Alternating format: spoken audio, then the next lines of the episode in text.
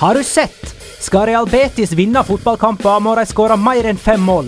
Mot Real Madrid skåra de bare tre, og var dermed sjanseløse. Og Barcelona vraka milliardspillerne sine Coutinho og Dembélé. Valverde skjønte nemlig at han måtte toppe laget om det skulle bli tre poeng mot mektige Eibar. Dermed varte det. La liga loca. En litt gærnere fotball. Haha, det er andre veka på rad jeg eh, gjør humor av at Coutinho framstår som en B-lagsspiller for eh, Barcelona. Eller i alle fall en backup-spiller, da. For første gang i 2018 vant alle topp fire-lag i én og samme runde denne helga. Det var ikke verst. Og vår eh, 24. ordinære episode av Liga Lokka er i gang med meg, Magnar Kvalvik. Hei. Og du, Jonas Giæver. Hei. Hei. Og du, Petter Wæland. Hei. Hallo. Skal vi begynne med Real Betis Real Madrid 3-5. Alle skåra på Real Betis, til og med Karim Benzema. I tillegg så skåra Ascencio to, og Ramos og Ronaldo ett mål eh, hver. Uh, lurer litt på hvor vi skal begynne med denne kampen. Vi tar Real Madrid først. Er det sånn at uh, både Isco og Ascensio er bedre alternativ i startoppstillingen enn Gareth Bale?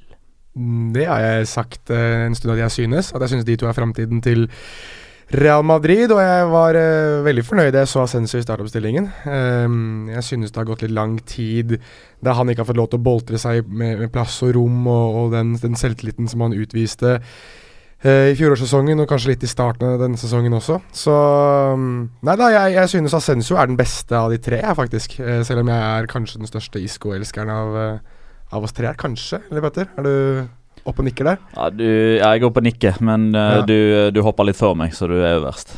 Ja, nettopp. Nei, men jeg Jeg synes det var moro å se Real Madrid igjen, Ja. Det er, eh, men det er kanskje, kanskje det er det at det er moro å se Real Betis, og derfor er det moro å se Real Madrid. Jeg vet ikke helt.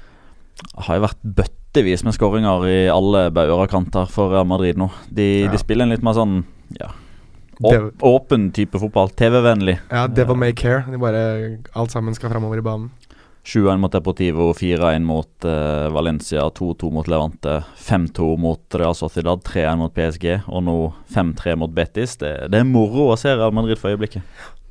Hvordan eh, er skaden til Marcelo etter Han fikk en strekk. Dessuten så var jo Cross skada, og er begge tilbake til Paris Saint-Germain i Paris, eller? Det er nok større sjanse for at uh, Tony Cross er tilbake igjen. Der var det snakk om, uh, om to-tre uker, og da var det uh, to og en halv uke til eh, kampen. Det ser nok eh, verre ut med Marcelo. Eh, nå er det jo sånn at Real Madrid er blant de klubbene som bruker vel egentlig lengst tid på å bekrefte eller uttale seg om skader som kommer i kampsituasjon. Eh, og som regel så lar de det gå en 36-48 timer før de gjør disse såkalte offisielle testene.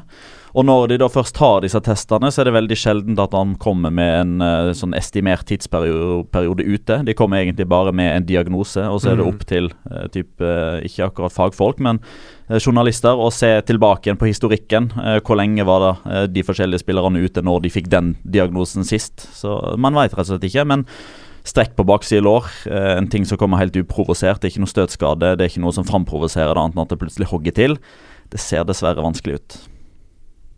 Leo påpeker på eh, Twitter eh, for oss denne runden var faktisk Real Madrid bedre i andre enn i første omgang. Ja, det er jo litt nytt. Det er første gang faktisk at Real Madrid vinner en seriekamp der de ligger under til pause. Det er første gang de vinner en seriekamp der de ikke leder til pause. Faktisk. Ja. Og Lucas Vasques eh, starta og eh, vant igjen. Han har aldri tapt en seriekamp med, fra start med Real Madrid. Ja, men Det var litt interessant, der, for jeg hørte på, eh, på eh, Tiempo de Juego etter kampen. Eh, og da hadde de et intervju med Kikiset igjen. Og han sa noe som ble Det ble, det ble debattert noe så inn i granskauen i panelet der etterpå om dette var mangel på respekt overfor Zidane. Om det var en taktisk analyse, eller om det var ros i retning Zidane. For han sa som så at når, når lagoppstillinga kom, så ble han litt mer bekymra enn han egentlig eh, mente at han burde ha vært. Fordi han mente at eh, Real Madrid er veldig mye vanskeligere å spille sin type fotball mot, altså possession-fotball, når de starter med kun to av tre i BBC. Fordi da er det én mann mindre som jukser i det defensive presset. Så med Kovacic, med Ascencio, med Lukas Vaskes fra start, så ville Betis da få enda mer trøbbel med å spille seg ut bakfra enn hva de ville hatt med, med Bale, Benzema og Cristiano.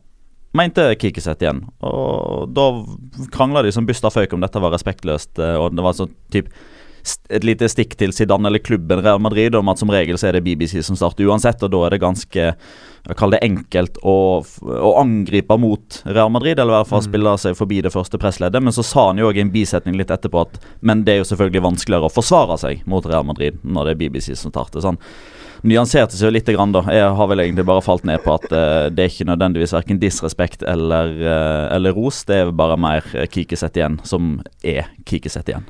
Spansk presse i et nøtteskall, det, altså. Men eh, Kikiset igjen eh, får jo mye ros, da, selv om det blir eh, nederlag mot Real Madrid. Eh, det er jo mange som syns dette her både er underholdende og modig på en positiv måte. Ole Galta skriver han syns det er eh, nettopp etter kamper som dette at uh, Setien fortjener skryt for det at, uh, det at Real Betis stoler og tror på hverandre og egen filosofi sjøl når Real Madrid mm. er på besøk. Det er så nydelig. Uh, er det Ja. Er det på grensa til selvmord, eller er det måten å bli bedre som lag på å møte og spille mot Real Madrid på denne måten? Det jo Det, bygger jo karakter, da. Det bygger jo en, en lagidentitet og en Kall en filosofi, da. At han står med det han tror på. Jeg synes at det på veldig mange måter minner meg om Jorge Sampaoli i, i Sevilla eh, og hans uh, tid i Sør-Amerika, der han uh, sa at hans måte å trene lag på var at han ville at de skulle ønske å vinne mer enn å frykte det å tape. Og på mange måter så synes jeg jo at Real Betis gjør det. De har mer lyst til å vinne enn de frykter å tape. Dessverre så er det jo det, det er sånn at de er ikke gode nok til å vinne hver eneste kamp. De vinner jo Altså I sånne kamper som der så vinner de jo sjeldent, men, men det er, de vil så veldig mye mer da enn de kanskje får til innimellom. Jeg vet ikke om det er fordi det er så store begrensninger på troppen, eller det er store begrensninger på han at han ikke har noen plan B. Jeg vet ikke helt. Eh, det er et eller annet som skorter der, men jeg syns samtidig at det er noe litt sånn romantisk over en trener og et lag som står med det de tror på. Og på mange måter er litt suksessfulle òg, fordi at eh, når du det var vel sånn de slo eh, Real Madrid på Santiago Bernabeu? Det var det, og det var sånn også de slo Sevilla på Ramón Sánchez Pizjuan. Så jeg mener jo det at eh, de de, de, de, de tror på, på, sin egen filosofi. De tror på sin egen måte å gjøre ting på. og noen ganger så feiler det, noen ganger så er det suksessfullt. Og det er de gangene det er suksessfullt, det er virkelig nydelig. Men samtidig føler jeg at i disse kampene her mot de regjerende Champions League-mesterne, uh, regjerende seriemesterne, så Nei, det er, eh, det er fantastisk moro, synes jeg, at et lag tør å gjøre det. Og at uh, selv om de, de, kan De vet kanskje at vi taper 5-3, så, så, står de på det. Selv, selv, når det går som verst, så bare fortsetter de å male på og angripe. Så er det kanskje litt naivt, så er det kanskje noen som tenker at ja, men tenk at dere burde forsvare det litt mer. Kanskje dere skal prøve å slippe inn to en kamp, ikke fem, uh, og vinne de kampene her. Men, men uh, nei, jeg uh, man blir litt forelska i sånne lag som det her, da. Uh, og jeg tror uh, vi, alle, vi, har jo snakket om Real Sociedad, vi har snakket om for min del Getafe, uh, Girona. Lag som på en måte har fascinert oss på hver vår måte. Men jeg tror hvis det er ett lag vi alle sammen sitter igjen med som en sånn slags romantisk følelse når vi skal se tilbake på 17-18-sesongen, så er det vanskelig å komme unna Real Betis. Og det er ene og alene pga. dette. Jeg tror de vinner langt mer på å ha den spillestilen og den tilnærmingen de, har, enn eh, en det de taper på det. Eh, det er flere plusser enn minuser ved det, syns jeg. Eh, det enkleste og sterkeste argumentet er bare å se på tabellen nå, etter 24 serierunder, og sammenligne med hvor de var på samme tidspunkt forrige sesong. Nå har de tatt 33 poeng og skåra 41 mål. Forrige sesong så hadde de 27 poeng og hadde skåra 25 mål. Etter 38 serierunder, altså når, kamp, når, når sesongen var ferdig, så sto Betis med 39 poeng og 41 mål. De har allerede denne sesongen skåra like mange, og det er 14 kamper igjen av sesongen. De må ta 7 poeng på de siste 14 kampene for å i det hele tatt ha gjort det bedre enn hva de gjorde hele forrige sesong. Eh, litt det samme som man ser nå i Las Palmas. Etter at eh, Kik Setien forsvant fra Las Palmas, så har alt gått skeis. Eh, det samme har man eh, erfart i Logo. De har riktignok endt høyere på tabellen. Eh, det var vel på niendeplass eller noe sånt forrige sesong, og så var det vel nummer 14 siste sesongen under Kikkiset igjen. Men nå er det få som gidder å se Logo spille fotball.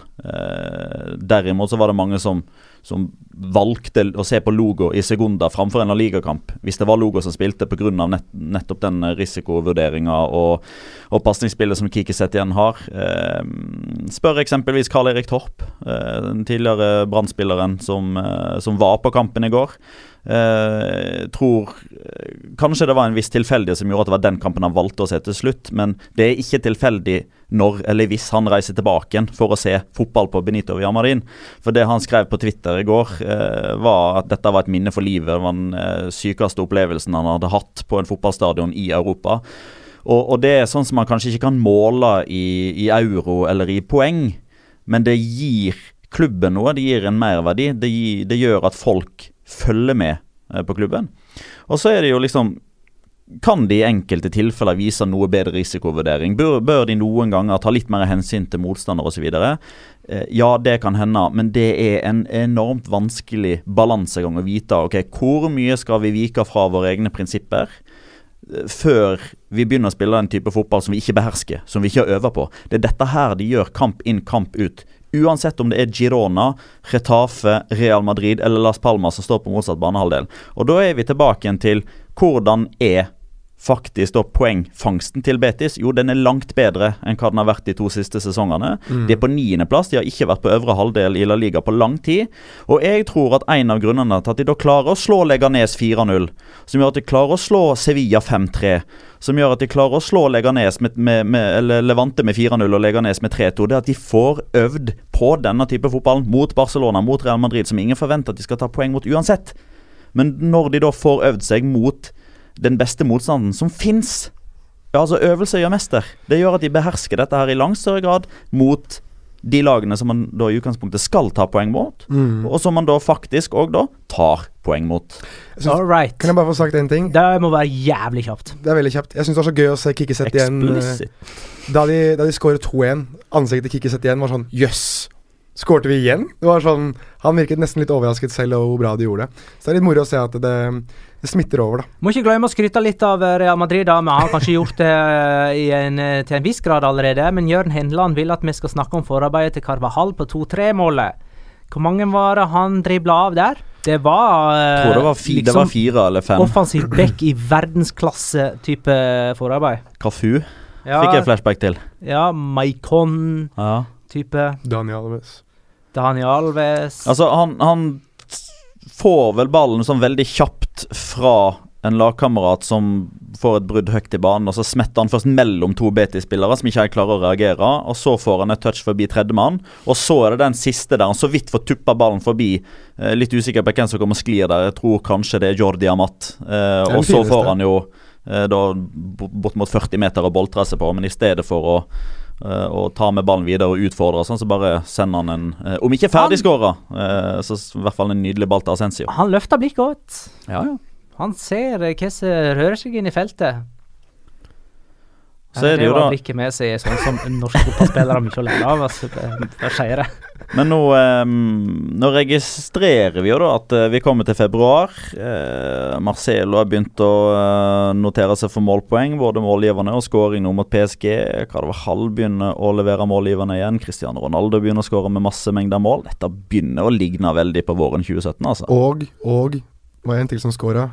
Som, uh, ja, Karim Benzema? Ja, han, men jeg tenkte nå på Sergio Ramos, da. Det er ja. litt det derre i, nød, ja, i, i nødens ja. så kommer han fram. Og det, er, det begynner å ligne litt. Og jeg synes skåringen til Cristiano Ronaldo var sånn 2012 ringte, de vil gjerne ha tilbake skåringen sin. Det var sånn typisk Cristiano Ronaldo-mål. Så det, det, begynner å ligne litt på det Real Madrid-laget som uh, bare måkte overlag i uh, tur og orden uh, i, i, fjor. Og, ja.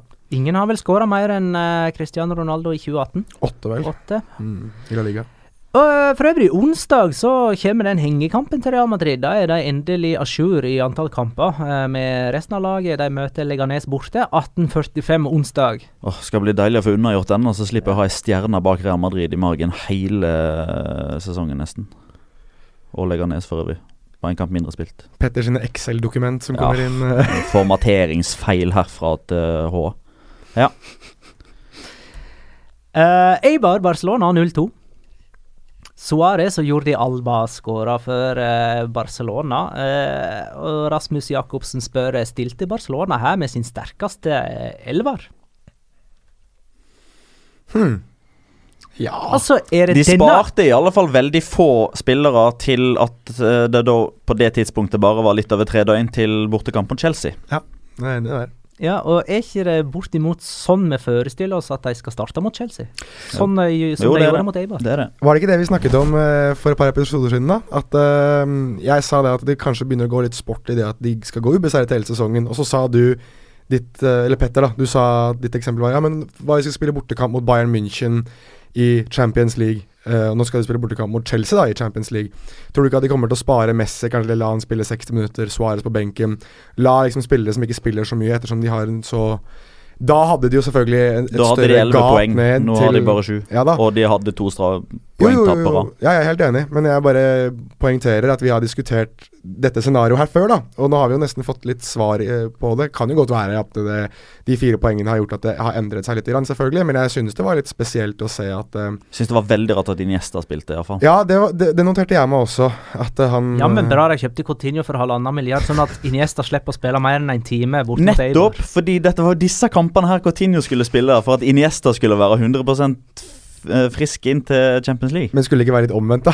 Hadde det ikke vært at Coutinho skulle spilt en time og kanskje Jo, Coutinho skulle ha spilt den kampen her. Ja, det er det jeg mener. ja, det var det- Ja. så. her, eh, Jonas. Ok, ja, da misforsto jeg. Beklager.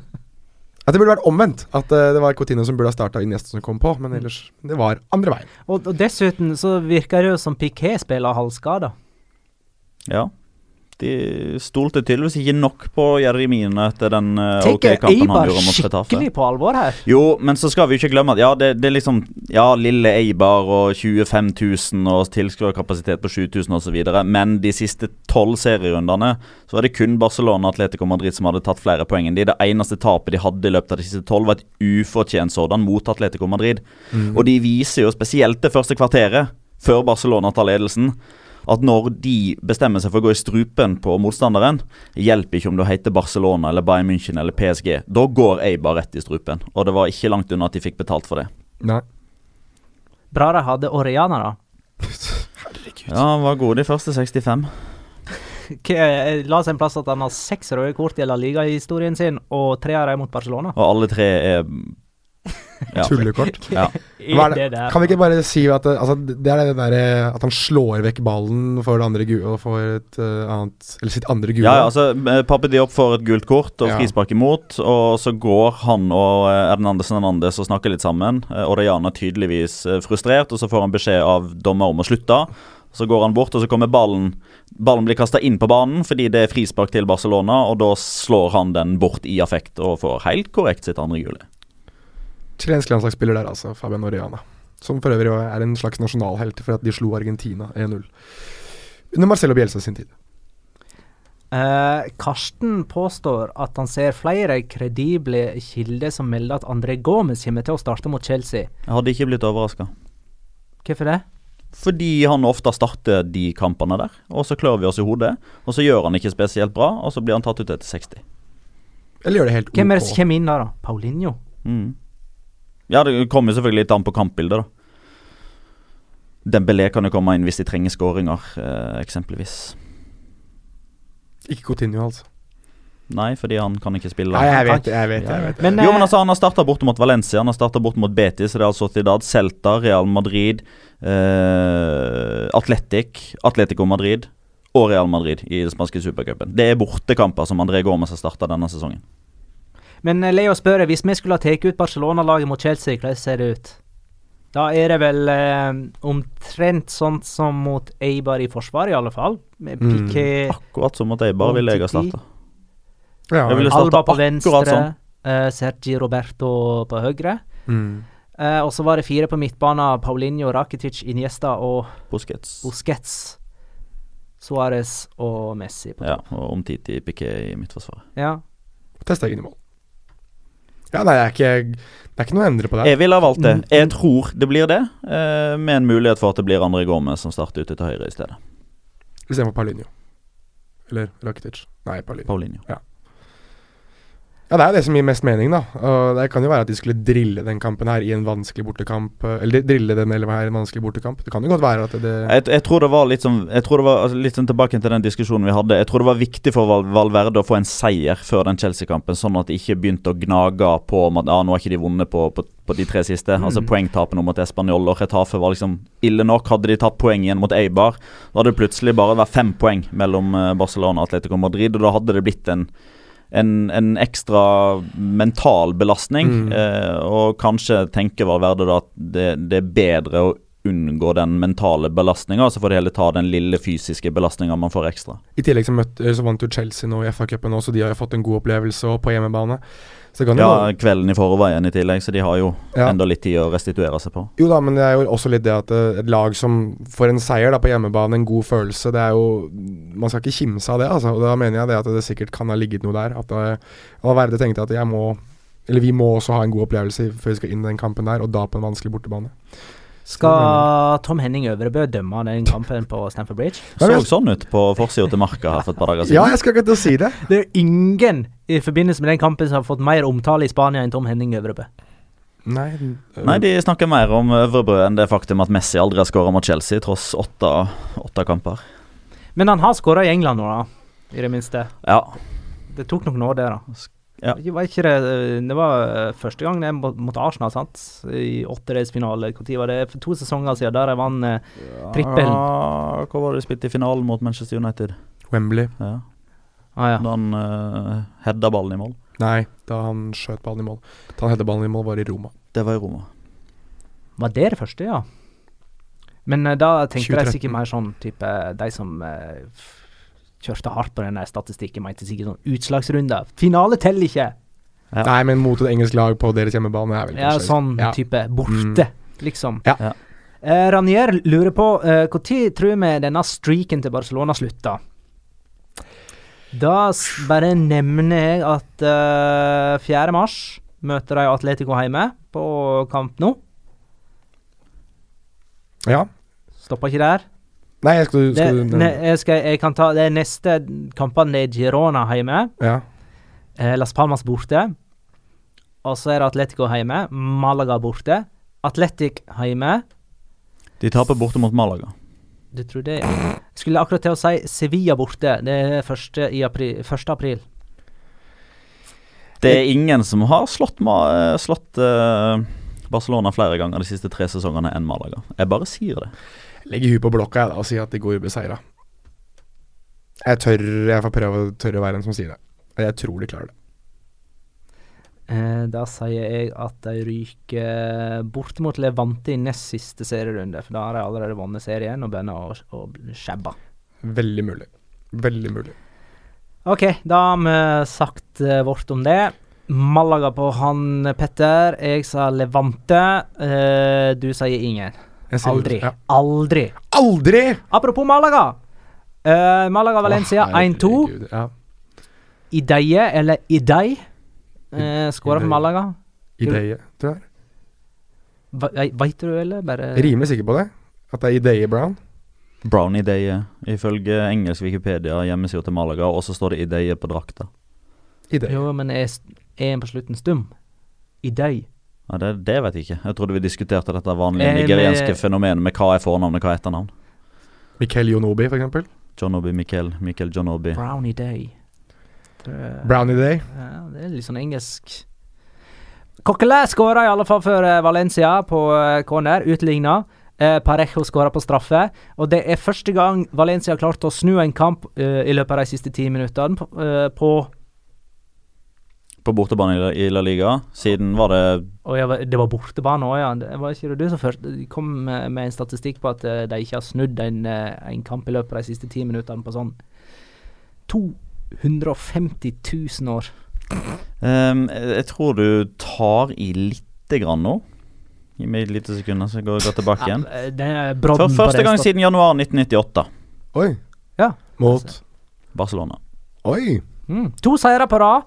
Det er bedre nå for Valencia, nå som programmet ikke er, verken er så tett eller med så mange gode motstandere som det var for litt siden. Det var, det var nå det skulle på en måte løsne opp litt igjen.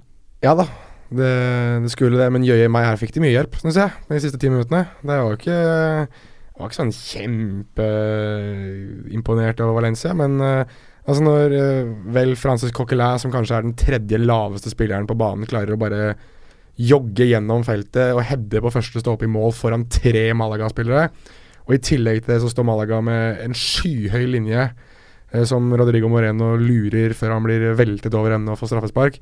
Og dette skjer innen fem minutter, og det er innenfor de ti siste minuttene av kampen, så er, altså, Kamikaze-fotball kan vi vel kalle det av Malaga, og det er jo helt Så det er. Malaga de får hjelp, mener du? Jeg synes det. Jeg synes Malaga egentlig ødelegger mer for seg selv noe, noe, noe annet her. Ja, ja, men de ligger jo på bunnen med 13 poeng. Det er vel Ja, det, nesten sånn i hver kamp. ja, men jeg synes jo at det blir oppsummert ganske greit hvorfor de ligger der, da, når de holder på sånn som det her. Det er jo tøvete. Jeg mener på 1-0 Altså med, med et kvarter igjen, så må du, jo, må du jo senke linja di. Greit nok at eh, Coquelin scorer på en corner, det er greit nok. Ok. På 1-1, og du ligger nederst, så må du tenke at et poeng må være greit nok. Hvorfor står du med så høy linje? Hvorfor angriper du så mye som du gjør? Jeg skjønner ikke det. Det er uh, sikkert jeg som er litt kynisk, men jeg synes uansett det at det, her er det de som ødelegger for seg selv, og da blir jeg igjen sånn Jeg klarer ikke å synes synd på det laget der lenger. Kommer vel snart et punkt der de føler at poeng ikke hjelper. Altså ett poeng er ikke, er ikke nok. Nei, men ett poeng her mot et lag som Valencia, da, som ligger så høyt oppe på tabellen, det må jo ses på som en slags moralsk seier på en eller annen måte. At de kanskje får litt motivasjon, da. Malaga-trener José González sa for øvrig i intervju intervjuet etter kampen at eh, denne kampen vant de 2-0. Eh, Det er bare synd at de ikke får poengene. God jul, melder jeg. Ja, det var Du mener at det ikke annullert. skulle blitt annullert? Nei, altså, det er greit nok, men jeg mener du kan ikke sitte og mene sånn når du har tapt 2-1, når du har ledet 1-0 inn mot de siste ti minuttene. Du kan ikke sitte og grine over det da. Det, jeg, altså, jeg, jeg har null sympati for det. Ikke det sånn de stort sett gjør det, trenere?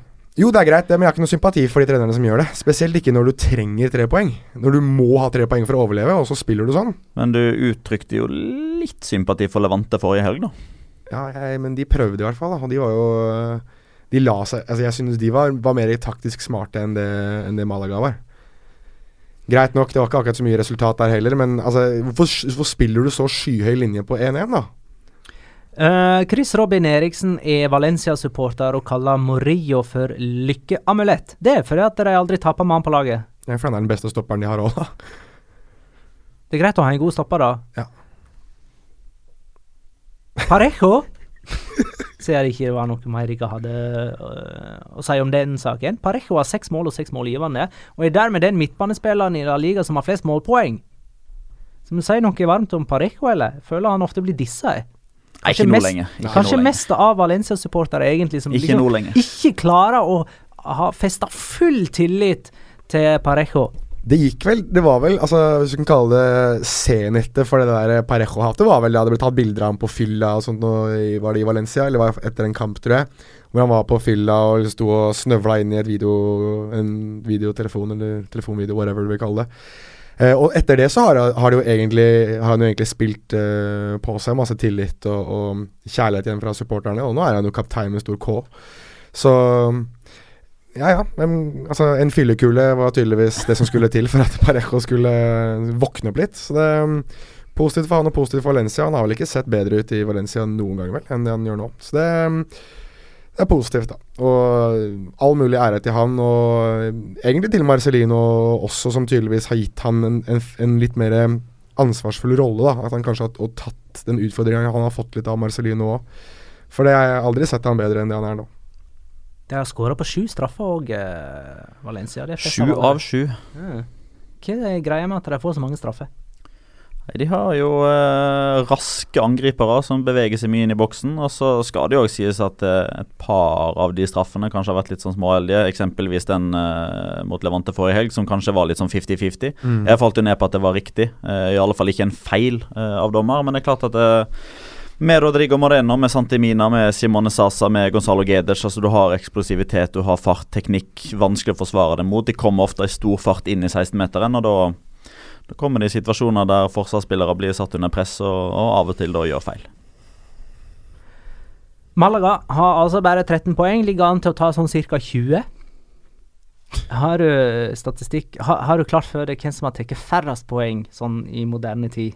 Det må vel være Sporting Gijon hvis 97 er moderne tid. Eh, nei, jeg tenkte faktisk mer på dette årtusen. Cordoba? Ja, de var 20 i så fall. Ja. De rykker ned, kan vi ikke bare si det det sånn? Er, er det bare... ja med, 20, med 20 poeng så rykker de ned, for Levante har jo 20 allerede. ja, men kan vi ikke bare si at Altså, tror vi, vi Vi tror vel ikke Vi har ikke noe lenger noe tro på at Malaga holder seg, eller? Jeg har ikke noe tro. jeg på det. har ikke tro på det. Nei, jeg Det er veldig trist, da, for det er mest sannsynlig så er det to av, to av de kanskje mest De fineste stedene klimatisk å dra til for å se fotball. Er Sporting Rijon tok 13 poeng i 97-98. Ja. Las Palmas og Malaga Eh, Det kan Malaga tangere. De kan eh, det, ja. Valencia møter Real Sociedad hjemme neste runde. Atletic borte deretter. Real Betis hjemme deretter. Det er muligheter for uh, nye trepoengere framover, helt til de møter Sevilla borte om fire serierunder. Da er ikke det mulig. Nei, da er ikke det mulig lenger. Hey, Atletico mot Atletic 2-0. Der redder du deg fint inn. Gameiro skåra. Herregud, Petter. Du tippa det, du. Og Diego Costa. Fire seire på rad i La Liga for Atletico Madrid. Alle uten baklengs. Ja, De slipper ikke inn mål i første omgang på hjemmebane heller, de. Det har ikke gjort det hele sesongen. Skal vi ta den oppdaterte Las Palmas. Nei, Real Sociedad. Hvor lenge, På er, straffe. hvor lenge siden er det? Det er det eneste også. 2. desember. Ja, nei, men det er det eneste hele sesongen, da. Skal vi ta uh, en oppdatering på Jan Oblak-statistikken, eller? Ja, vi kan gjøre det. Du er så kjempeflink til å gi meg litt tid til å finne fram. Det, jeg er ikke Rainman som sitter og har absolutt alt dette her i hodet. Han har nå spilt i La Liga 103 kamper. Han har holdt nullen i 62 av de. Han har sluppet inn 54 mål. Sterkt. Jørgen Tindeland spør hva skjer med Kåke? God spiller, men han har kanskje ikke helt blitt det vi hadde trodd og håpa?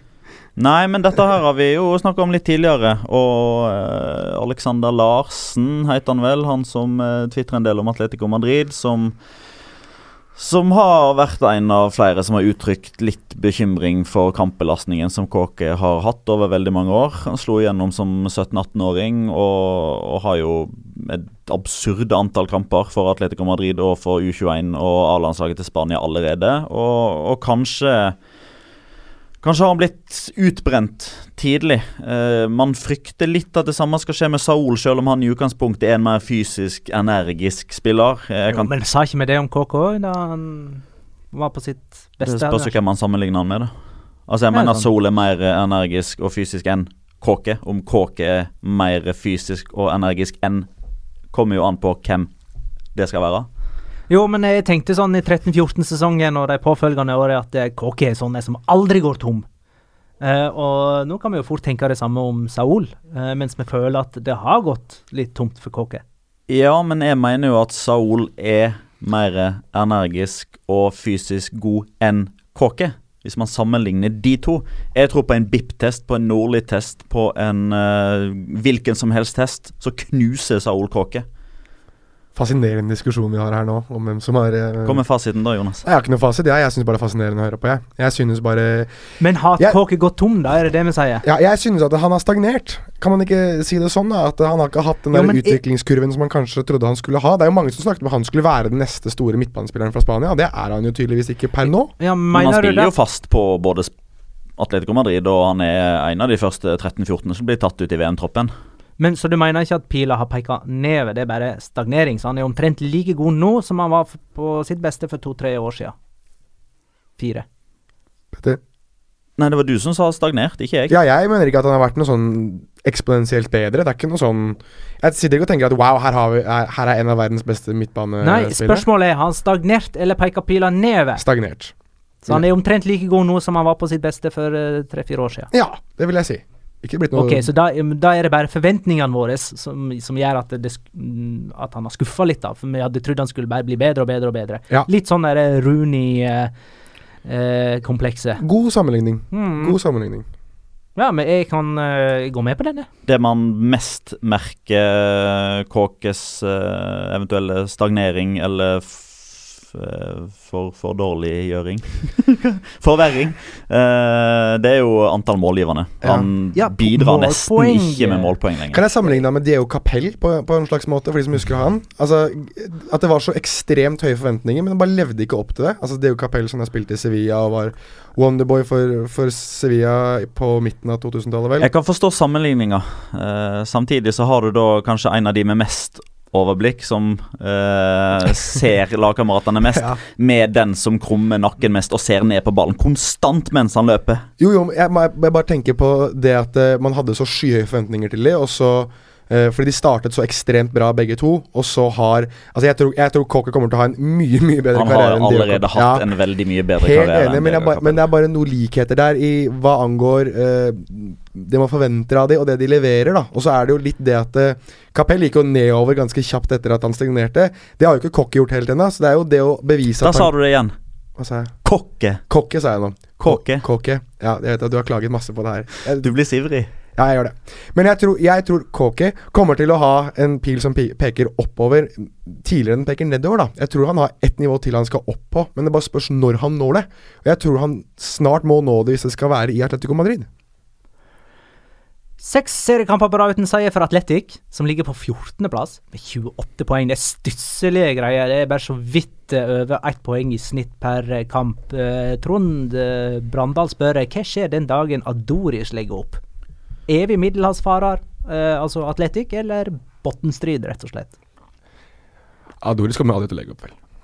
Han, eh, han eh, blir uh, fotballens svar på Noriaki. Hva sier han? King Kass borte i Japan, som er over 50 år og spiller i J-league fortsatt, skårer også. Så det kan jo bli litt sånn. Nei, jeg tror Når vi fikk jo et, eh, et eh, Vi har jo fått noen, på en måte hva vi skal kalle det, tegn på hvordan det kan bli. For han har jo stått over noen kamper han sto over mm. nå, f.eks. mot Atletico. Og hva hadde Atletic da å by på offensivt? Ja, Altså, de hadde jo uh, Inyaka Williams, men de skapte jo ingenting. Jeg vet ikke om det var Hva lurte du på? Hvem eller hva eh, hadde de å by på? Ja, begge deler, egentlig. Ja, det var jo Inyaki Williams da som måtte inn og spille spydspiss. Eh, jeg mener jo han er klart best som høyrekant. Da får han mer rom å løpe i. Bak bekkene til motstanderne. Ja, den dagen uh, Aris legger opp, så må man jo håpe for, for Atletics del på at Iker Monjain spiller fotball. da At uh, han kan ta i hvert fall over noe av den der målskårerrollen som det Adoris har. Men så, hvis han holder seg skadefri, er vel kanskje et annet spørsmål. Det Iker Monjain skårer i snitt Nei. hver niende-tiende kamp. Ja, jeg, ba, jeg, ja, jeg skjønner det, men jeg, nå prøver jeg bare å spekulere hvem som eventuelt kan gjøre det. For gud bedre hvis det er Njaki Williams som skal skåre målene, så det-. Oh. Men det er ikke mulig. Det er bare ikke sånn mulig. plutselig så, så renner det inn fra en eller annen. Mm. Det er det som er så typisk med, med Atletic. At jeg, jeg føler meg at stilte det spørsmålet før, liksom. Når de har en spiss Altså, og han forsvinner, f.eks. ja, eksempel Jorente. Mm. Og hvem skal da skåre målet? Og så kommer det en annen og gjør det. Ja, de stilte jo spørsmål etter Ismail Orsais òg, og da kom Fernando Jorente. eh, Mm. Om han har hatt gjester, uh, Joseba Echebarria. Altså, det, det er litt sånn Det ordner seg liksom alltid Før Real Betis. Det har det gjort nå i seg 100 år. det ordner seg som regel for alle klubber. Fordi jeg føler noen ganger når man diskuterer liksom sånn, Ja, hva skal skje når den legger opp, eller hva skjer når den blir solgt, så snakker man av og til som at det laget skal spille med ti mann. Eh, Mm. Man glemmer liksom at det kommer inn en spiller som da får 90 minutter kontra de 10 minuttene på slutten. Men la meg være litt føre var, da, før jeg vet at de kommer til å få sikkert noen som kommer til å spørre om det her i ukene som kommer. Hvem er det som kan komme inn i Atletic når Adoris legger opp? Hvilken, hvilken spiller Altså, det har jo den herre kun baskere som kan spille for Atletic. Hvilken er det en baskisk spiss som per nå man tenker at han kan komme inn? Akkurat nå så er det jo veldig få. Eh, altså de, de, de har jo Asier Via Libre, som er på lån i Segunda nå. Eh, altså de, de, de kan jo hente Imanol Agirecce. Det er riktignok en stund siden han har vært spesielt god, fordi han har vært ute med skade i snart to år, men han er på vei tilbake nå. Eh, Inyaki Williams, altså Igjen, da. Alt for en spiss en angriper handler om sjøltillit. Ja. Eller ikke alt, da, men Inyaki Williams har alt som skal til. Eh, kanskje er det fast spilletid som spiss som gjør at han kommer til nok målsjanser til at han begynner å skåre mål, og så løsner det ordentlig. Eh, det eneste jeg er 100 sikker på, er at eh, Kike Sola eh, det er ikke svaret. Kan det være Gaiska Tokero? Gaiska er alltid et alternativ. De eh, slo eh, Spartak Moskva borte i Europaligaen Atletic, så det kan bli eh, et, eh, en runde til i Europaligaen. Det, kan, kan det. bli en runde til, og det kommer jo til å gå på bekostning av La Liga. Så den tabellplasseringen til Atletic blir fort 15.-16.-plasser, så det er den svakeste på lang tid. Og da kommer det litt eh, an på hvor langt de går i Europa, altså. Må de eh, se etter muligheter etter Sigander. De burde ha bytta han ut allerede, syns jeg. Helt enig. Jeg skulle til å jeg var en av de punktene jeg har satt opp her. Uh, altså Hvis du tenker at de har klart å beholde Inyaki Williams, klart å beholde Kepa Adoris er der fortsatt. De har brukt mye penger på å hente Inigo Martinez. Nå er det selvfølgelig har ikke vært der spesielt lenge, da. Men hvor lenge skal Coco Siganda få lov til å sitte da? Uh, den, den tabellposisjonen de har. Det er jo kun Europa League kanskje som er eneste grunnen til hvorfor han ikke er sparket allerede. Spesielt når du tenker på at f.eks. Eduardo Berizzo er ledig.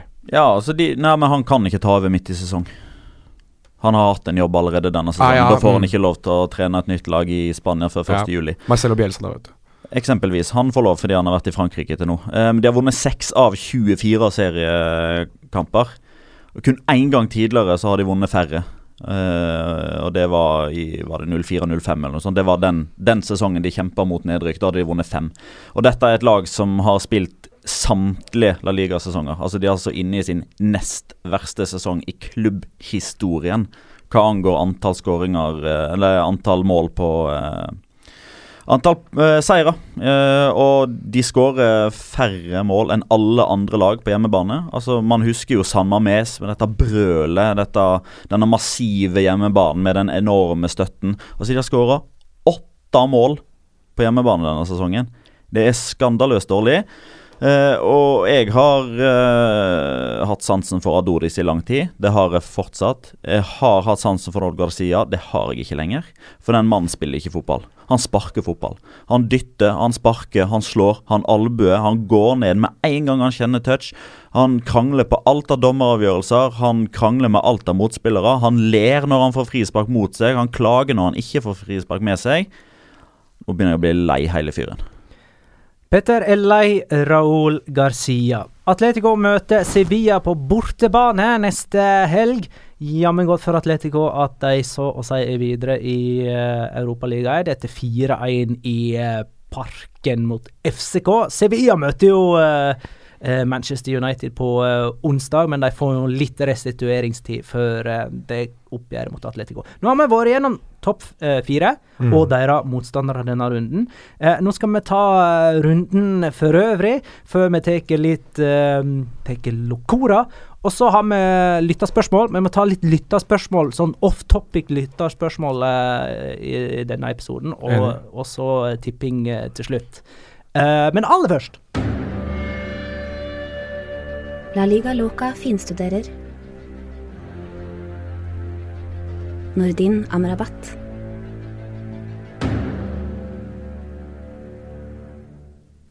Ja, siden vi har en Nordin Amrabat-jingle, så kjører vi en Nordin Amrabat-jingle. Men vi kan hoppe bukk over innholdet denne gangen òg, eller? Nei, vi kan vel nevne et par eh, elegante Nordin Amrabat-høydepunkt, for han er jo faktisk involvert her, da. Girona Leganes 3-0. Nordin Amrabat. Ja, nei, altså Vi kan jo først hylle Girona som vinner en ny, uh, en ny fotballkamp og fortsetter å imponere oss, og da er vi ferdig med dem. Uh, Nordin Amrabat er faktisk den eneste fotballspilleren jeg tror jeg har sett noen gang i mitt liv som klarer å få frispark imot seg, mens han faktisk har kontroll på ballen.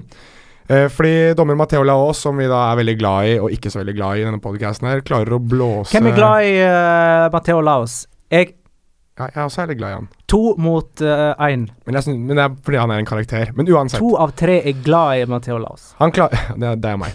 Uh, Petter er ikke så glad. Men uansett, uh, han eh, klarer på en eller annen måte å, å kjøre nakkegrep på en Girona-forsvarer og slenger han i bakken. Matheo Laos blåser helt korrekt frispark mot eh, Norden Amrabat, som ser ut som han faktisk skjønner hvorfor det blir blåst på han. Ehm, han er også Jeg fikk ikke helt med meg hva, hva som skjer i situasjonen, men Petter, du På 2-0 så er det Amrabat som gir vekk ballen, og så står Etterpå så fokuserer kameraene veldig på han, hvor han står og hyler og skriker og klager. Hva er det som har skjedd? Han eh, ja, mister ballen. Han blir takla av uh, Alej Garcia, som først er på ball, og som etterpå uh, Altså, han, han kom inn med sklitakling med knottene først, og er så vidt borti ballen. Og etterpå så tråkker han Amrabat på Bovrista, som da får vondt og mener at han skal ha frispark. Ja, Krigselefant der, altså. Uansett så eh, hyler og skriker og jamrer seg, som eh, egentlig ikke er for vane for han, men uansett. Men det som irriterer meg aller mest denne kampen her, han må begynne å forstå det her. Greit nok at han skal inn sentralt i banen og hjelpe litt til, men hva er det med alle disse chip-pasningene? At han skal prøve å spille igjennom Altså Han klarer jo ikke å slå en vanlig pasning langs bakken. Hvorfor skal han begynne å chippe ballen rundt omkring? Han er ikke Juan Roman Riquelme. Hva er, altså jeg, jeg, jeg forstår ikke hvorfor noen tror han skal være en playmaker.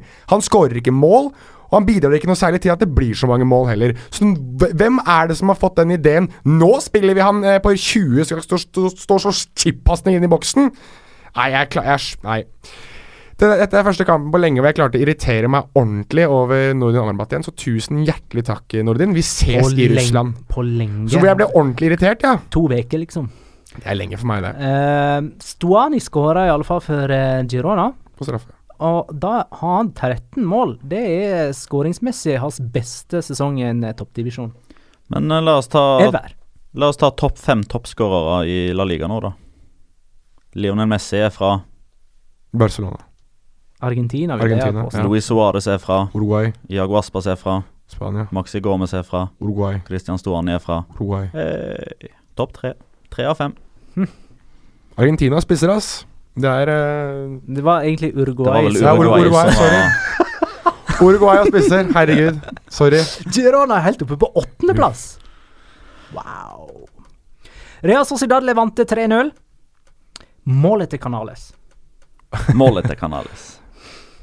Han hadde jo ikke Var det 75 seriekamper på rad han hadde uten scoring? Så skåra han sist, Mm. så skårer han igjen nå. Mm. Dette er det beste målet siden han var 18 år og spilte for Racing Santander og lobba ballen over Sevilla-keeper Palop. Og det minnet meg Norden Amrabat forsøkte lobb eh, fra lang distanse. Nei, nå er vi altså Sånn, ferdige. det er tatt den. Nei, men Skåringa til, til eh, Canales, er det eh, Jeg husker ikke, er det, er det en sklitakling først? Hvor han sklir ballen Nei, til nei han, han strekker seg. Ja? Det er ikke en sklitakling. Nei, men han sklir etter ballen. Og ja, for å nå ballen. Ja, og. Veldig elegant. Ja, ligger jo på bakken, reiser seg opp igjen, drar av én mann og elegant setter inn uh, Han Han tar, han tar en tofots, Ja. og så drar han en Sånn Ronaldo, en, enfots greie. og avslutte i lengste med høyre. Det deilig å se Canales i den formen der. Eh, Prieto tok straffe, skåra og fikk strekk. Ja, Det er ikke gjort. elegant, det, altså. Det er ikke elegant å stå og holde seg for tissen etter å ha skåra ut på straffe. Men seier Ja. i alle fall for eh, Real Sociedad, som eh, har skåra åtte mål på sine siste to heimekamper, og sluppet inn ni mål på sine siste to bortekamper. Men, men de holdt, har holdt nullen nå i to hjemmekamper i La Liga på rad. Mm. Det har de ikke gjort siden sist sesong. Det er etter at de har solgt Inigo Martinez. Ja. Eh, og Godt poeng. ikke kommende serierunde, men neste møter de Real Betis borte, og det skal da være vår tippekamp. Det må det være. Det går jo ikke an å tippe riktig. Eller jo da, vi skal få til det. Vi skal få Ja, til ja, det. vi, vi skal sikkert uh, få, til, få til det. Håper William José er tilbake, for han skårer alltid første mål også. Er han det, Petter? Ja, han skal være tilbake til det. Mm. Det er jo eh, Josu Galdos Fransen. Sa jeg for, fornavnet riktig nå? Josu? Han har kjeftet på meg for at jeg sier det feil, så jeg, jeg tør ikke. Han er jo eh, eh, Real Sociedad-fan eh, på sin hals, og han spår over sju og en halv skåring i den kampen. Eller han er jo litt spent på hva, hva, hva, Real, eh, hva Petter kommer til å, å legge ut av tippetips da på, Alle skårer. Men, men det kommer jo om ei si- om Målskårertips på alle sammen. Det er en av de kampene vi gleder oss aller mest til i denne sesongen Mm. av La Liga. Alaves Deportivo la Coronia 1-0. Monir El Haddadi med ei perle. Monir El Haddadi skyter Alaves til ny kontrakt. Sitat noen i denne redaksjonen eh, typ september. Men eh, Abelardo eh, har jo løfta dette Alaves-laget ganske betydelig. Eh, og, men dette er første gangen eh, i sin trenergjerning at han har tre strake La Liga-seire. Mm. Mot Celta Vigo, Villarreal og Deportivo la Coronia. Og Det er 22 skåringer for uh, Alaves denne sesongen her også, og der er faktisk Monir El Haddadi involvert i 11 av de. Seks skåringer av fem målgivende. Ja, 50% Ja. Mm. Mm. Men eh, hva med Sedorf, da, og hans Deportivo? Ja. Nitrist. 2-1-0-tap har han. Nitrist. Han har, eh, han har jo fått de til å må på si, unngå å slippe inn bøtter og spann, men det har jo gått på bekostning av offensiven. Så det Men eh, det er klart man kan snakke litt grann om flyt og marginer og sånn. Både hjemme mot Betis og nå borte mot Alaves så har eh, Zakaria Bakali to nærmest identiske stolpetreff, der han håper jeg, lener kroppen mot sin venstre og bøyer opp i lengste, og ballen treffer stolpen nesten helt oppe ved tverrleggeren og går ut i stedet for inn. Men det er mm, Altså det er et eller annet med mentaliteten i, i Deportivo la Coruña som er snudd helt på huet kontra det man hadde på, på 90-tallet og begynnelsen av 2000-tallet. Fordi da overpresterte man. Eh, Da var man liksom en sånn samla enhet. Alle ga alt. Man, man trodde på det. Men nå har liksom Deportivo rykka ned i 2010-2011. Så kom de opp igjen, så rykka de ned i 2012-2013. Og så kom de opp igjen, og så har det vært nedrykksstrid hver eneste sesong siden. Og hvis de ikke får klampen i bånn nå, så blir det pinadø meg det fjerde nedrykket på de siste åtte årene. Så hadde de en sånn ufattelig lei eh, greie med at uh, de gikk målløse av banen sånn 15 kamper, eller noe sånt, av 38 de gangene de var oppe. Før de gikk ned. Hvem heter han treneren der de hadde Filipe Louise på venstrebekken og greier? Victor Fernandes, Nei, før det! Lotina Lotina! Under han Ja. kunne de gå ufattelig mange kamper uten å skåre. Og det gjør de fortsatt. Den eh, mentaliteten, den blir sittende. Las Palmas Sevilla 1-2. Der er det vel noe helt annet å snakke om. enn Ben kampen. Yedder er jo helt eh, mini eh, Cristiano Ronaldo. Han har skåra åtte mål på åtte kamper i Champions League. Seks mål på 13 kamper i La Liga. Ja, men han skåra nå, da. I La Ja, han burde skåra allerede etter tre minutter, vel. Han var alene gjennom runda keeper, Mm. og så fikk David Gartia blokkert på streken. Mm. Litt sånn nonchalant blokk òg, syns jeg. Bare liksom dyttet ut foten sin. Ja. Sånn, fin, ikke kom her. Fin, eh, fin greie. Men jeg sliter fortsatt med å egentlig ta helt elveren til Sevilla. Det, det Nei, elveren ikke- er satt nå. Er Elveren er, er veldig satt nå. Så nå kan vi sette opp en uh, elver mot United. Ja, det er jeg ganske sikker på. Sergio Rico i mål. Navas fortsetter som høyreback. Mercado og Longley i uh, midtstopperduo. Escudero venstreback. Banega Nsonsi sentralt. Sarabia, Franco Vasques, Joaquin Correa, Luis Moriel. Ikke Ben Yedder, altså, i Champions Nei, det tror jeg ikke. Jeg tror det er Moriel som nå er førstevalget. Og det er vel egentlig det grepet som liksom lettest å kjenne igjen for Montella, da. Eh, Det er liksom typ OK, hei! Har noen av dere spilt i Serie A? Så det er tre mann som løfter armen. Det er Moriel, det er Franco Vasques og det er Joaquin Correa. OK, dere starter! Dere åtte andre, eh, det finner vi ut av etterpå. Det var jo det jeg sa da, da de vant sin første kamp under han, vel. At uh, det var da han startet med tre karer fra Serie A. At han liksom velger de han kjenner. At det er det, liksom det ene virkelige grepet han har gjort. Ganske festlig, men jeg synes jo det fungerer jo veldig bra, da. Franco Vasques, eh, det var vel du som poengterte det under sendinga, at han ser nesten litt ut som en uh, Erik Helme Light. Ja, jeg, jeg, det gjør litt vondt for meg å si altså Messias' navn i Ta det i ta det i- Du brukte jo Erik Helme sitt navn i forbindelse med Amrabat. da, Det gjorde så- jeg, så jeg burde egentlig Jeg er ganske sikker på at eh, United-supportere kommer til å bli litt sånn letta når de ser at Ben Yedder ikke starter, hvis det er tilfellet. For de har sett hans sine tre mål på to kamper mot Liverpool. Fin mann å hive innpå fra benken, da. Ja, for all del. For all del. Altså, jeg eh, Altså, hvis jeg hadde vært supporter av et lag, eh, og så hadde motstanderen kommet med en elver der det jeg tror er den beste spilleren, ikke spiller fra start, jeg veit ikke om jeg hadde blitt letta eller skremt. For da hadde jeg tenkt sånn OK, de har en mann der som har skåra åtte mål på åtte Champions League-kamper, og så starter de med Louis Moriel. Hvor god er egentlig han da, hadde jeg tenkt. Det jeg tenker, hvis, eh, hvis jeg ser det laget til Sevilla nå, så tenker jeg det at eh, gud hjelpe meg, Lukaku mot Mercado. Ja. Det kommer til å gå tenner. ja, om ikke Altså, Mercado er vel eh, type et hode lavere enn Lukaku. Eh, det er ikke bare tenner som går, det er nesebein, det er kjevebein. Alt, alt skal forsvinne der. Men Las Palmas eh, går all in for å rykke ned. De har solgt Jonathan Viera. Ja, Petter, du har vel sittet og ruget på noen tanker eh, Det er litt, jeg føler meg litt sånn som Otto Jespersen siste par minuttene her i torsdagsklubben. Jeg synes nesten du skal få ordet her. kan jo på mange måter forstå det, da, sånn egentlig.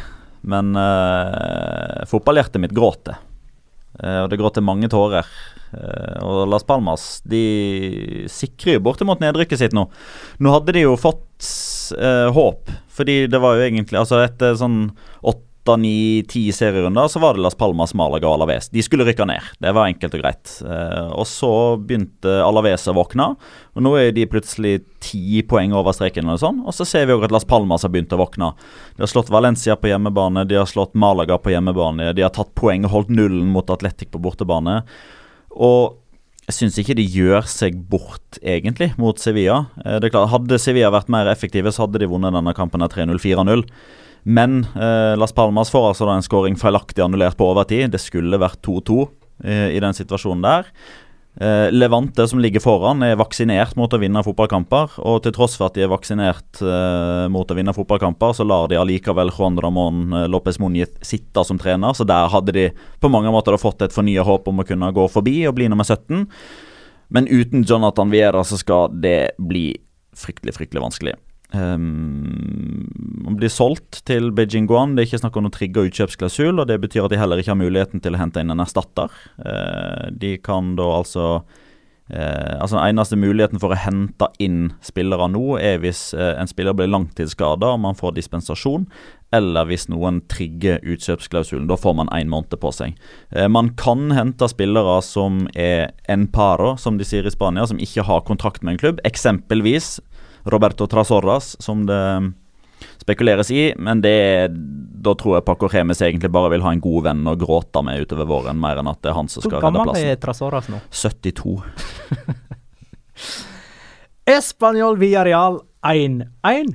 Rodri Hernandez skåra for Villarreal. Det var hans første La Liga-mål, før Granero utligna på et deilig frispark. Alle visste at dette kom til å bli uavgjort. Dette var det 16. uavgjort oppgjøret mellom Español og Villarreal dette århundret. Det er flest av alle oppgjør i eh, La Liga-sammenheng, altså når de to møtes, da. Um, kan jeg komme med litt sånn halvveis breaking news? Villarreal Feil lov til det? Ja, etterpå. Ja, okay. Eller eh, Español Villarreal. Nei, jeg er ikke relatert til det. Nei. Villarreal med fire offisielle kamper på rad uten uh, seier. Uh, vi ser alle hvor hen det bærer. Uh, og Español har seks seriekamper på rad uten seier, de òg. Det er jo uh, Det var en tung kamp. Noen stolpetreff var det. Uh, I kveld, mens vi, eller rett etter at vi har gått ut av studio, spiller Chetaffe mot Celta Vigo klokka 21. Så den, den kampen har ikke vi noe om. Hva du skulle si? Uh? Det jeg skulle si at Nå, nå nevnte jo Petter det, jeg vet ikke om, han, om, det er fordi han har sett det samme som jeg har sett her nå, men uh, nå har jo dette um, styremøtet i Levante er ferdig nå. Etter, mm -hmm. etter fem timer med møter så har, de, har Levante bestemt seg. Moniz sitter. De kommer ikke til å sparke Ja, det var det. Ja, du sa det, men jeg var mm. ikke sikker på om du hadde sett det her. Men uh, det kom nå for to minutter siden her på min tidslinje på Twitter. Levante som altså ligger fjerde sist, to poeng over streken. Tapte 3-0 på Anueta denne helgen og møter Real Betis i neste runde. Det er muligheter for skåringer, i det minste. Ja, det burde være det. Eh, da er det tid for litt locora. Ukens La Liga Locura. Locura. Locura. Locura. La Liga Locura. Mm -hmm. Hvem vil begynne? Petter har lyst til å begynne gangen? Jeg kan godt begynne. Det er en statistikk, eh, ikke så veldig overraskende. Men eh, vi må altså 42 sesonger tilbake i tid for å finne et tilfelle av at et lag har gått 24 serierunder uten å få straffe eller rødt kort på en motstander. Atletico Madrid er nummer to i La Liga på skuddhold med tanke på gullplassen. Mange poeng foran Real Madrid uten å få et eneste straffespark. Uten å ha spilt et eneste minutt med én mann mer på banen. Hatten av. Har de spilt uh, De har spilt med én mann mindre. Det har de. Mm. Diego Costa har blitt utvist. Uh, var ikke det en utvisning mot Girona i første serierunde? Antoine Griezmann ble mm. utvist. Det ser du. Fascinerende. Jonas? Ja, jeg har, eh, jeg har da en episode. Og jeg nevner navnene uh, Nemanja Vidic, John Terry og José Maria Jiménez. Dette er tre spillere som no, ja, alle mann har klart å kaste seg Når de har mistet tilsynelatende mistet en spiller som da skal i et skuddforsøk, så har de på en eller annen finurlig måte klart å fortsette å eh, klare det rare å gjøre en sklitakling med hodet. At de kaster hodet sitt framover for å blokkere ballen. Altså kaster hodet sitt mot foten til en spiller som skal til å skyte. Vi fikk en ny spiller på denne lista her nå denne helga og det er da eh, Passende nok. Passende nok, ja. Uh, unge Onay Núñez, som da er klin kokos bananas fra før av. Han øh, understreket det med rød skrift og rød penn og det som er, at han er helt gal i hodet da han først ble vendt vekk av Dio Costa, eh, tilsynelatende som bare skulle hamre ballen mot mål. Nei da. Uh, Onay Núñez kastet eh, ansikt, hode og det som er uh, framover for å stoppe Dio Costa. Klarte å rive ham over ende. Dommer blåste ikke straffespark. Det synes jeg egentlig er helt greit, når du ofrer både liv og lem for det som er uh, Det som er ute på banen. Tull og tøys. Eh, ja, det kan godt hende det. Eh, Ifølge reglene så er det nok de enige med deg. Men uh, uansett, hatten av for Ona Núñez, som nok en gang viser at han er klin kokos hue, og blir da ukens Locora for meg. OK. Min locora er Sergio Ramos. Hurray. Uh, for meg er Sergio Ramos faktisk selve personifiseringen av eh, La Liga. Det er greit nok hvis man skal promotere La Liga og eh, reklamere for serien, så bruker man gjerne sånne som eh, Messi og Cristiano Ronaldo. eh, for det er pga. deres virtuositet og målskåringsfrekvens. Men Sergio Ramos representerer så mye mer enn bare sånn én ting. Han representerer alt ved La Liga. Nå fikk han gullkort igjen, og har 162 kort i sin La Liga-historie. Ingen har flere, og La Liga er noe vi forbinder med, med masse kort, både røde og gule. Og ingen får flere enn Ramos. Han har 19 utvisninger. òg. I tillegg så er han en elegant spiller, så til en viss grad så representerer han også denne virtuositeten. Eh, han er en fin forsvarer å ha for lag som skal spille seg ut bakfra, som mange spanske lag eh, ønsker, deriblant eh, Real Madrid. Han er pasningssikker, og han er elegant når han går opp og header inn skåringer, som han gjør mange, mange ganger. Nå har han 53 mål i La Liga-sammenheng. Da har han tangert eh, Iero, og er dermed på delt andreplass gjennom La Liga-historien blant forsvarere som skårer masse mål. Eh, og han, Ramos har bare skåra ett mål på straffe, mens Iero, som jo òg spilte midtbane, eh, har sk skåra jo 29 straffesparkmål. Og den som forsvareren som har skåra mest gjennom La Liga-historien, er Koman på 67. 46 av de på straffe. Ramos er helt unik i den sammenhengen der. Jeg syns han representerer så mye, både på godt og vondt.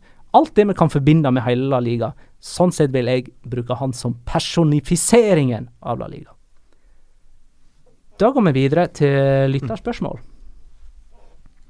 Eh, som er litt sånn eh, der lyttere får lov til å bestemme litt tema. Vi har jo eh, hatt våre tema gjennom sendingen, men det er flere som ønsker at vi skal snakke litt om Spania og VM.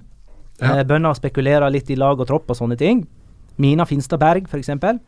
Du veit hun som er oppegående, Petter. Mm. Jeg vet godt det.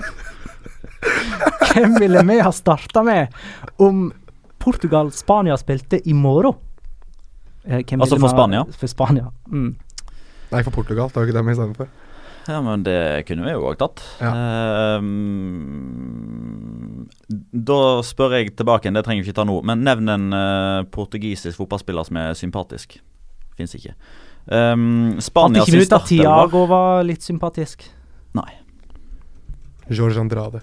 Han spiller ikke lenger. Greit. nettopp. Um, De Gea i mål. Enig. Eh, Etter gårsdagens raid så må vi jo ha Carvajal foran, på ansiennitet eh, foran eh, Odriozola og eller Aspilicueta. Tror vel eh, Ramas Piquet fortsatt er stoppere. Jordi Alba venstre back. Men så begynner det å bli vanskelig. Ja, og så begynner man å få enda litt mer å ta. Altså Man kunne jo argumentert inn eh, Aspilicueta definitivt i, i backfireren der, men han er mm, verdens beste potet i forsvar. Um, Tre på midten, da, eller? Ja, tre på midten. Eh, Busquets er jo sjølskreven. Eh, Mm. Iniesta for meg er helt sjølskreven. Eh, og da er det én posisjon igjen. Skal det være Kåke? Skal det være Saul? Det er mange om beinet der. Spørs om Tiago blir klar til VM, da. Kan det være at han rekker det? Ja, men hadde det vært i morgen, så hadde Ja, han ikke sånn, spilt. ja. Nei, det er enig. Nei, Jeg hadde gått for Saul, jeg. Mm. Silva Kanskje ikke vært 100 nå, eh, av naturlige årsaker, de siste ukene og månedene, men Så, så kan høyre i banen uansett, da. jo. Jo, nå er han videre. i angrep oh, ja, du Venstre, videre. venstre nå. Oh, Ja. ja. Uh, kunne gjerne starta med Ascencio bredt ute til venstre. Eller til høyre? Nei, venstre. OK, Silva på høyre, da. Mm. -hmm. Og spiss der står det jo mellom uh, ja, Morata er vel litt halvskada nå. Costa, Aspas. Det er jo ingen som skårer mer mål enn Aspas. Adoris er et godt alternativ. Rodrigo Moreno. Diego Costa. Ja, Diego Costa. Aspas. Jeg heller mot Aspas akkurat nå. Men sånn toppspiss, Mm. som alene helt lengst framme der Ja, i, altså, nå har jo egentlig ikke Spania en nier som er en nier. Nei, det er, og det har de ikke. Diego Costa har jo ikke fungert spesielt godt på landslaget. Nei, nei. Det Sliter med spisser nå. Det, det er faktisk litt vanskelig å velge Aspas, tross alt. Selv om han ser ut som den beste akkurat per i dag. Det er bare dine fordommer mot Diago Aspas som slår inn. Kan jeg, kan jeg komme med en wildcard? Hvordan José har jo åpnet opp for at han muligens har lyst til å spille for Spania. Og Ja, det har jo Lucas Hernandez òg. I så tilfelle så syns jeg han danker ut både Ramos og Piqué for øyeblikket. ja. Aymeric Laporte er vel fortsatt ikke 100 avklart. Han har sagt at, uh, han vil, at han vil spille for Frankrike, og at det er hans drøm. Men så har han jo også lagt det der lille asterix ved siden av at mm. uh, hvis jeg aldri får Frankrike, og Spania skulle åpne seg opp på et eller annet tidspunkt, så kan det være mulig. Men jeg vil aller, aller, aller helst spille for Frankrike. Men uh, hvis William José eh, stikker seg fram her, så blir det jo spennende. Samme har det jo, har det jo Mariano Diaz, som muligens kan være et sånt wildcard. Han har jo spansk pass Mm. og har hatt en fantastisk sesong i, i Lyon. Um, så det kan jo fort være at eh, han også kan være en spiller som melder seg på, da. Men per nå, i dag, de som kan spille for Spania og har gjort seg klare for Spania nå, så går jeg for Deo Costa. Men alle er enige om Ascencio. Eh, For eh, er han å regne som sjølskreven i troppen i det hele tatt? Ja, det vil jeg vel. For meg så er han det. Loppetegi Lopetegi er ikke så sikker. Men det er jo pga. at Zidane velger å ikke bruke han fast. Mm. Nei, Eh, og så eh, Jeg veit har vi snakka om Sosa tidligere? Nei, men ja, du- jo, vi har snakka om han. Ja, så vidt. han. Du Aksel. Øyseth Karlsen var det som eh, lurte på hva standingen hans var. Altså, Soso, Luis Alberto, Marcos Alonso er vel kanskje de tre som imponerer mest av spanjolene utenfor Spania, men som fortsatt ikke får sjansen ordentlig. Ja. Men da pleier jeg som Alonso regel er- å si Det, OK, men det hvem skorter skal ikke på ut? bekka. Nei, da, uh, hvem skal ut? Uh, Spania spiller heller ikke på den måten som Chelsea eksempelvis gjør. De har ikke den wing- wingback-posisjonen. For å ta eh, Marcos Alonso som et eksempel, da. Liksom Soso. Ja, hvis han skal inn, hvem skal ut? Hvem blir andre bek venstrebekken, da? Hvem er de to venstrebekkene? Altså Men, altså, du har jo Atbilicoeta, som er et Ja, det er han alternativ med. flere eh, alternativer. Og så Ja. kanskje Nacho Monreal, som kan være både venstrebekk og stopper. mm. Ok, Magnus Oi. Topp tre spillere som aldri har vært i La Liga, men som ville ha passa perfekt. Aktive eller historiske. Å, herregud. Ehm. Oi. den, den er vanskelig. Men uh, var Pelle Pelé noen gang i La Liga? Nei, det var han ikke det. Var ikke det. Det er vel kanskje litt lettere Men å tenke sånn på de aktive, da. Ja, sånn akkurat nå Kevin De Bruyne for Ja, meg, altså. Kevin ja, De Bruyne. Kevin De Bruyne. Helt klart. Eh, eh, og hvis noen splitter Cristiano Ronaldo og, og Lionel Messi på toppen av eh, Ballon d'Or eh, dette året, er det han? Så er det jo han. Eller Ja, det, Luis det spørs litt hvordan det går Neymar? med Manchester City i Champions Eh, League, mhm. og hvordan det går med Belgia i VM. Jeg Ja. kunne også veldig tenkt meg å se Eden Jeg skulle akkurat til å si Edna Hazard, jeg også. Hadde- Ja, da har vi to. Mm. Kan vi prøve å velge en som ikke er belgisk? Men eh, kan det Nei, det må være belgisk! Moi. Ja, det var gøy. Det hadde vært fantastisk gøy med han. Kan godt si Eller Robert Lewandowski, da, for eksempel. Hadde også vært interessant i for, eksempel i Real Madrid. Synes jeg. Jeg, synes han er, jeg trodde han skulle dit for eh, et par sesonger siden. Ja. Dybala tar jeg på tredjeplass, da. ja. Paul Pogba kan Heller også det. Ja, for all del. Dybala, Hazard og uh, Kevin De Bruyne. Jeg er litt i tvil om Hazard der. Jeg, altså. jeg føler han ikke passer inn. Dybala og De Bruyne er de to jeg står sterkest på, de tre. Hvem er sistemann for deg da? Ja, det lurer jeg på. Moi. Det er lov, det. Arvid Espen lurer på ut ifra Champions League-kampen mellom Real Madrid og PSG, hvordan ville PSG ha gjort det i La Liga? Topp tre. Ja, de hadde, ja, de hadde kjempa om topp tre, definitivt. Med Atletico, Barcelona og Real Madrid. Eh, Real Madrid er topp De skal være bedre enn Jo, jo, men vi snakker jo eventualiteter her. Da må de ta plassen til Valencia og skyve Real Madrid ned på 50 i så fall. Snakker vi sp spesifikt denne sesongen, Jeg eller tror hvis vi generelt? starter sesongen på nytt igjen og legger inn PSG i Ja, det var det som var mitt kriterium her. Ja, og Da har jeg på topp tre. Og Da tror jeg de dytter ut Atletico Madrid. Mm. Jeg tror Hvis du starter sesongen på nytt igjen, så tror jeg Real Madrid hadde vært på topp tre. Jeg føler PSG har så mye potensial, men ikke får det ut. Nei. Bytt trener. Nemlig. Uh, og jeg er fan av Unai Emeri, men eh, han uh, passer ikke inn i uh, et sånn stjernespekka lag, spør du meg. Mathias Sundfjord lurer på om vi skulle ta en, en tur til Spania for å se fotball. Hvor hen ville vi ha reist? For hans sin del så heller det mot Sevilla eller Baskeland foreløpig. Eh, han sendte inn dette for et par uker siden, så hvis eh, han eh, har kommet langt i å legge planer nå, så må vi skynde oss. Du har vært mer rundt i Spania enn meg, Petter. Ja, altså spørsmålet, spørsmålet her er jo litt uh, hva er formålet med turen? Skal du se mest mulig i løpet av et opphold? Uh, skal du ha den eller de eh, opplevelsene som er best på stadion? Uh, skal du kombinere det med strandliv? Skal du fryse, eller skal du uh, svette? Og skal du være der uh, ei uke For det, s- det er ikke ofte at Sevilla og Real Betis spiller hjemme, begge to. Nei, men i månedsskiftet nå, i februar-mars, så er det jo midtukerunde. Så hvis du har fire mm. dager i Sevilla, så får du både Sevilla og Betis. Og det er det verdt. Det er det Eh, definitivt verdt. Da bønner det å, å bikke den veien. Men samtidig, hvis du har eh, fem dager i Baskeland, så får du både Atletic, Alavese, Mhm. Real Sociedad og Eibar. Ikke så uh, glamorøse lag og arena Ei heller og opplevelser, men det er typ da Noen ganger så Ja, men- velger jeg å reise til Baskaland, fordi da får jeg fire kamper på seks dager, kontra to bedre kamper i Sevilla i løpet av samme periode. Jeg må jo si det, da. At uh, den turen vi var på i, i fjor, så var jo den kampopplevelsen som jeg synes var, var mest morsom, var på Botarque med Leganes. Men det var fordi at ja, Altså, for det var så intimt. Altså, det er så intimt. Du er på et, et litt mindre lag som kanskje er litt sånn førstereisopplevelsen. da at de er oppe en sesong, og så kjemper de litt mot nedrykk. Og så går Da vi var der, så begynte det å gå veldig veldig bra. At det begynte å ligne veldig på at de kom til å spille en sesong til. Og da var det jo, det var jo kjempestemning, og det var jo den stadion jeg synes det var mest moro å være på. Det er litt også fordi at på Ramón Sánchez Pizjuan så var det veldig dårlig vær òg, så det, det hadde sin effekt. Men jeg synes at det, de små stadionene, de mer intime stadionene, er de som har mest effekt da, på, på opplevelsen. Men, Men- altså, skal man velge ett sted å dra som utgangspunkt for å se spansk fotball, så er det jo Madrid. Mm. Fordi der er det fire lag. Og du er midt i hjertet av Spania. Du er bokstavelig talt midt i Spania. Mm. Og der Ja, kommer du deg til sånn. alle andre baner i løpet av eh, to-tre timer. Mm. Men hvis du vil ha frysning før avsparkopplevelse, så er både Benito Villamarin og eh, Raman Sanchez Pijuan å foretrekke. Mm. For der er det allsang a cappella, eh, så, det, så du kjenner det i kroppen. Da skal vi tippe. Eh, det vi tippa i den runden som var, var kampen Atletico Atletic.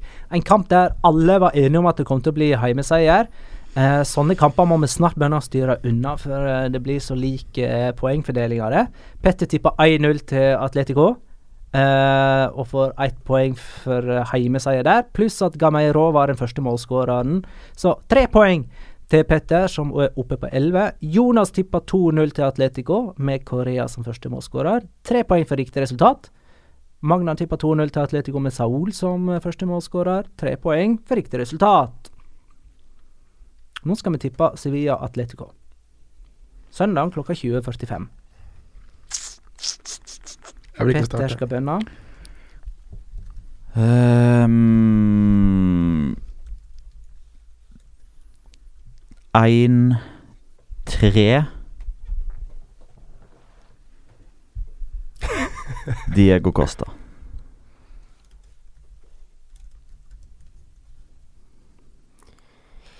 Um, mm, mm, mm, mm, Det er Sevilla som gjør merk merket der. Sevilla spiller hjemme. Ja, jeg sier ehm, 2-2. Eh, og Antoine Griezmann. Mhm. Jeg sier 1-2 og Saul. Skudd fra 20 til 25 meter med feil bein. I det 28. minutt. Ja, der har vi det. Uh, jeg har et uh, forslag for øvrig til straff til Jonas hvis han tapper. og det at du må si Du må i, eh, gjennom en hel episode avslutte hver setning med he-he. Ok, Sånn som det er. sånn. Jeg tror uh, Zidane er ferdig som Real Madrid-trener til sommeren. He-he. Blir interessant å kjøre Amrabat-slakt med he-he på slutten hver eneste Du gang. må uh, avslutte med he-he. Eventuelt at du starter hver setning med tradisjon tro. Fytte rakkeren. Det er, det er noe Det er, ikke, det er et av de bedre forslagene. Det er det, altså. Kanskje en kombinasjon. Nei, Tradisjon tror jeg tror uh, Zidane får, er, er ferdig som Real Madrid-trener til sommeren. Var det noen andre forslag enn det her. Nei, faktisk ikke. Ikke glem det, kjære lytter, at uh, det spanske laget i Europa denne veka Chelsea-Barcelona tirsdag kveld på Stafford Bridge. Får med deg det. Uh, enda viktigere, Sevilla-Manchester United på Ramón Sánchez Pijuan onsdag. Og så møter jo da Real Sociedad Red Bull Salzburg borte på torsdag. Atletic tar imot Spartak Moskva. Via Real tar imot Lyon, og Atletico tar imot FC København. Tusen takk for alle spørsmål og innspill, kjære lytter. Eh, vi er dere evig takknemlige. Er det noe du vil si avrundingsvis, eh, Jonas? Som jeg alltid sier, gå inn i iTunes, legg igjen en vurdering, legg igjen en liten kommentar. Si hvorfor du liker oss, ikke liker oss. Helst liker du oss. Gå inn lik og, lik og følg oss, holdt jeg på å si, både på Facebook og Twitter. Det heter vi La Liga Loca Pod. Eh, ellers kan du gå inn på creativemidfielder.co.uk. Der finner du La Liga Loca-seksjonen. Der har du fire ulike T-skjorter du kan kjøpe. Kjøp én, kjøp alle, og vis oss eh, hvilken du likte, og hvorfor du likte den på sosiale medier. Hashtag LLL. Takk for at du lytta, kjære lytter. Ha det, da.